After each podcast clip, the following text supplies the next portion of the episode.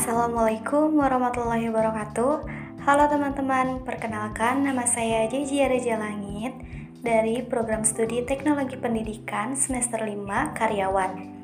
Di sini saya akan membahas mengenai materi dari buku The Systematic Design of Instruction.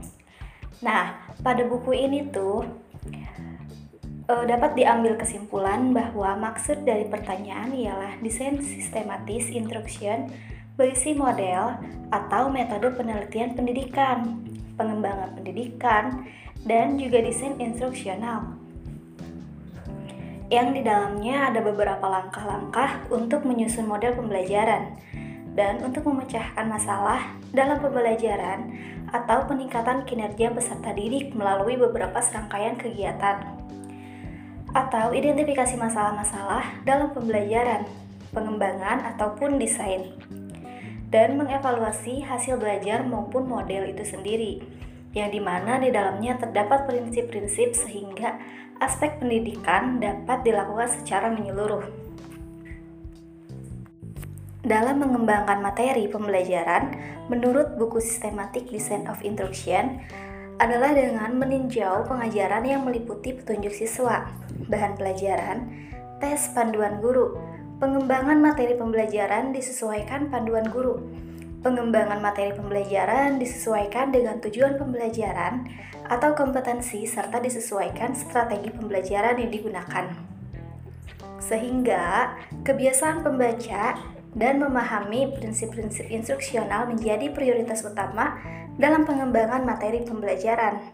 Nah, ada pun langkah-langkah yang menarik dalam pembelajaran ini. Yang pertama yaitu menetapkan TIU terlebih dahulu. TIU dikembangkan dengan melakukan analisis kebutuhan yang diperlukan siswa dalam proses pembelajaran di kelas dengan melihat kompetensi awal siswa, karakteristik umum siswa, dan gaya belajar siswa sehingga TIU dapat dirumuskan karena pada instruksional TIU menjadi hal yang penting untuk awalannya. Nah, adapun langkah selanjutnya sama dan berkaitan sehingga perlunya analisis kebutuhan siswa dengan melihat karakteristik siswa. Gaya belajar siswa untuk selanjutnya dapat merumuskan TIK dengan format ABCD.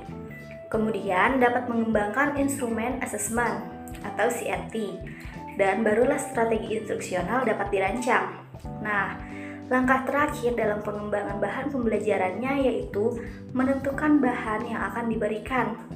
Langkah pengembangan pembelajaran setelah dibuat dengan langkah sebelumnya mengikuti pedoman TIK dan TIU yang digunakan guna untuk menganalisis kebutuhan siswa, kemudian mengidentifikasi karakteristik pada peserta didik agar bisa menyesuaikan pada pedoman TIK serta TIU yang akan dikembangkan untuk bahan ajar kepada peserta didik agar langkah terakhir dapat terwujud dengan baik. Nah, teman-teman, cukup sekian materi yang bisa saya sampaikan. Mohon maaf atas segala kekurangannya. Wassalamualaikum warahmatullahi wabarakatuh.